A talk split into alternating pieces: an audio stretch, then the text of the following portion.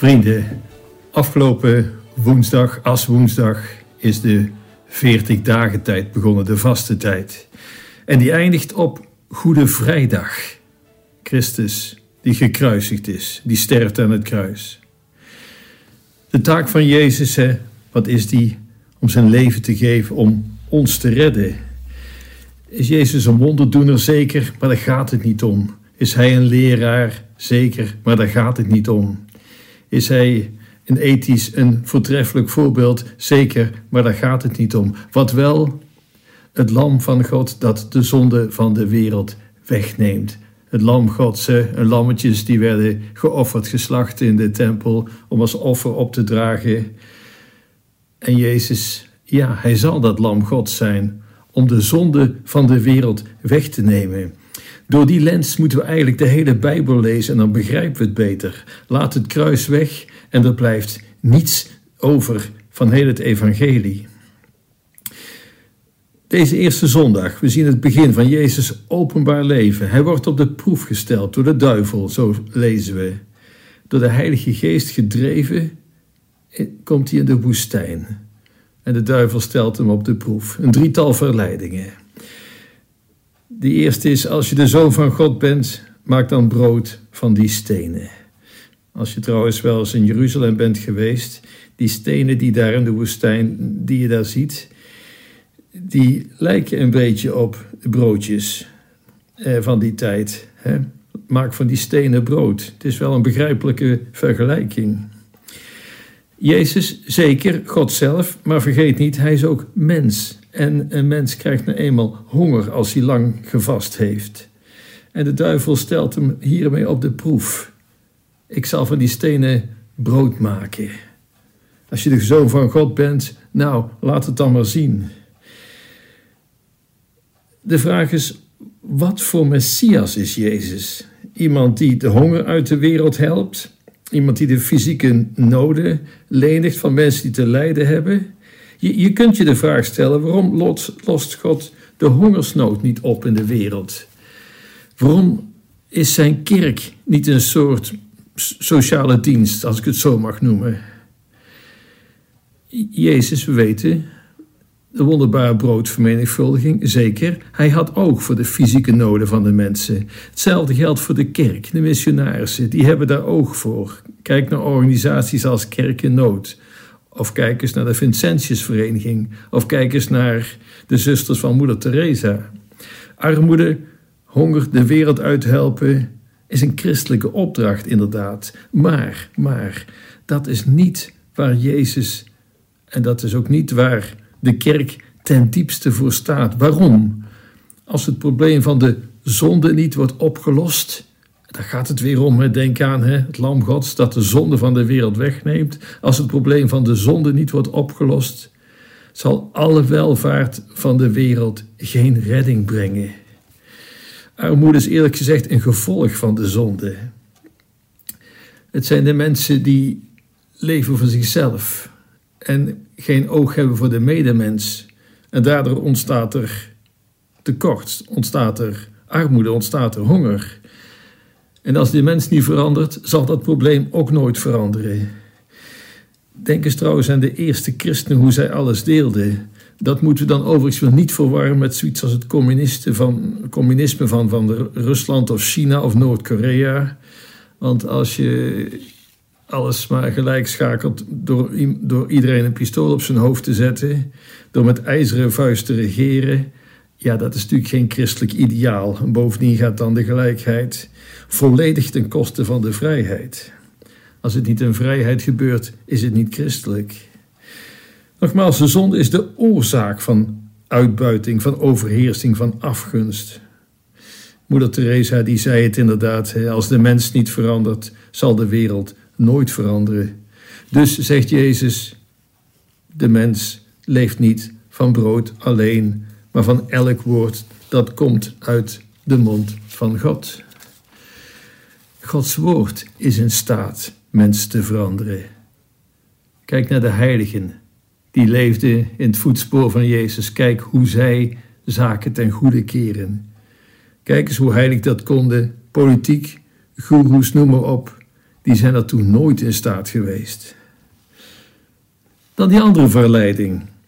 De duivel neemt Jezus mee naar het hoogste punt van de tempel en zegt: Als je de zoon van God bent, laat je dan hier naar beneden vallen.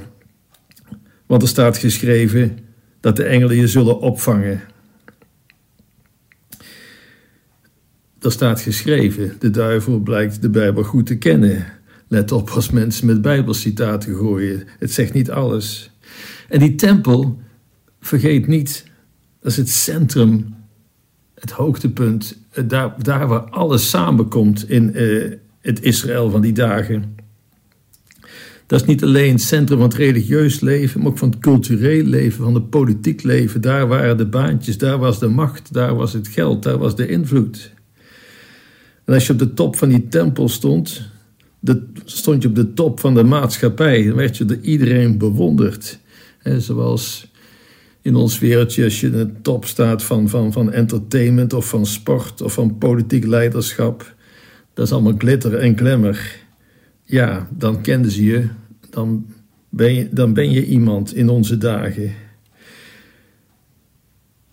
Jezus nogmaals, de Zoon van God, maar ook mens. Ook die menselijke verleiding, die moet Jezus gekend hebben als mens. Hij zou het ene en het andere wonder na, uh, na elkaar kunnen verrichten. Hij is tenslotte de Zoon van God, ook dat. Hij zou het ene wonder na het andere kunnen verrichten en zo inderdaad beroemd worden, wereldberoemd, mensen in vervoering brengen, roem verwerven. Jezus heeft wonderen verricht. We weten het. We kennen ze uit de Bijbel. En hij trok veel volk. En men had bewondering voor hem. En hij had aandacht. Maar hij wilde wel dat de mensen begrepen waar het om te doen was. En na die wonderbare broodvermenigvuldiging, ze wilden hem uitroepen tot, tot broodkoning.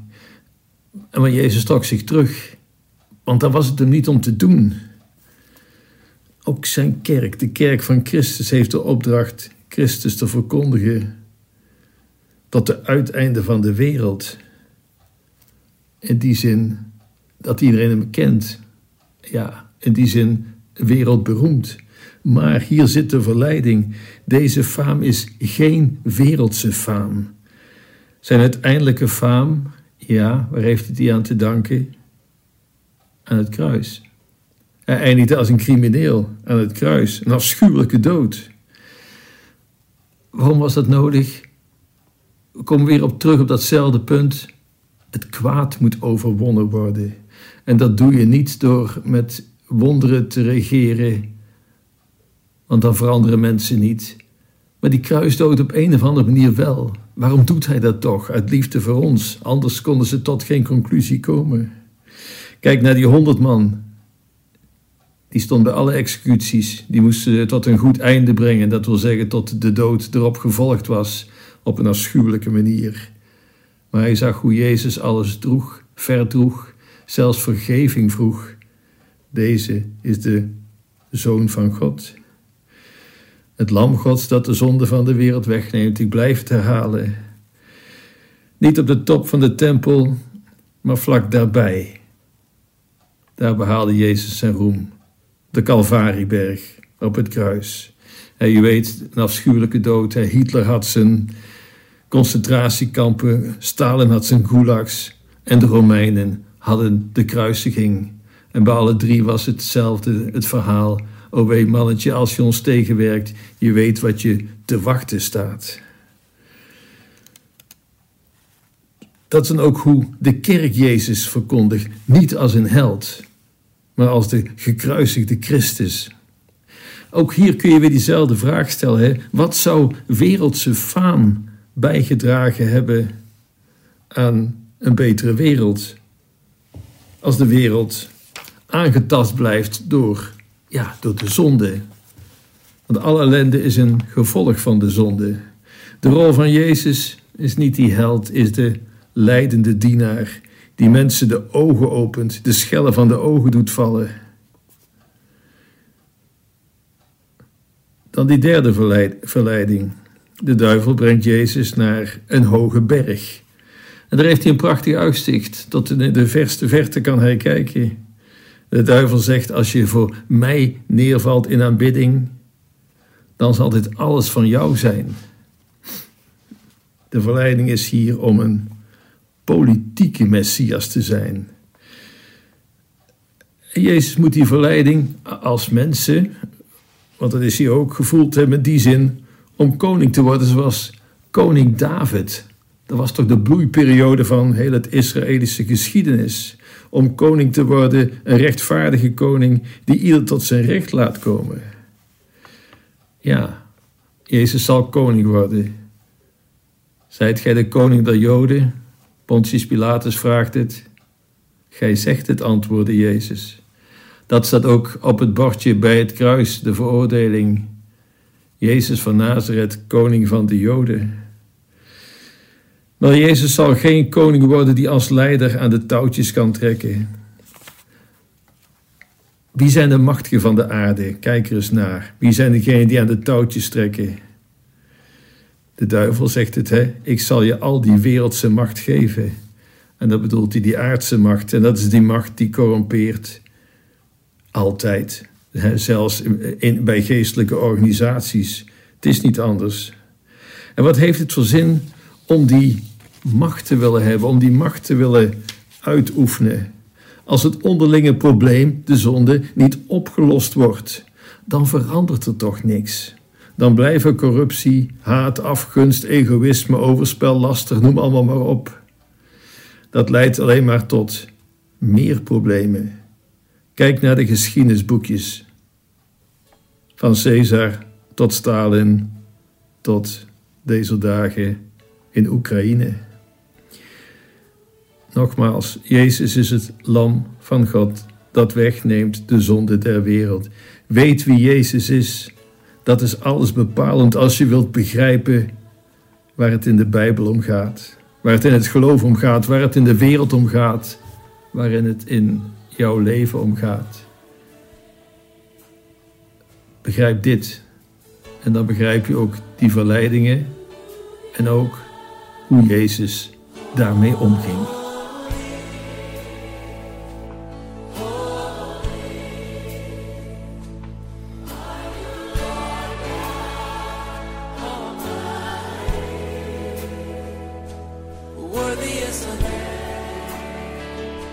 Worthy is the Lamb.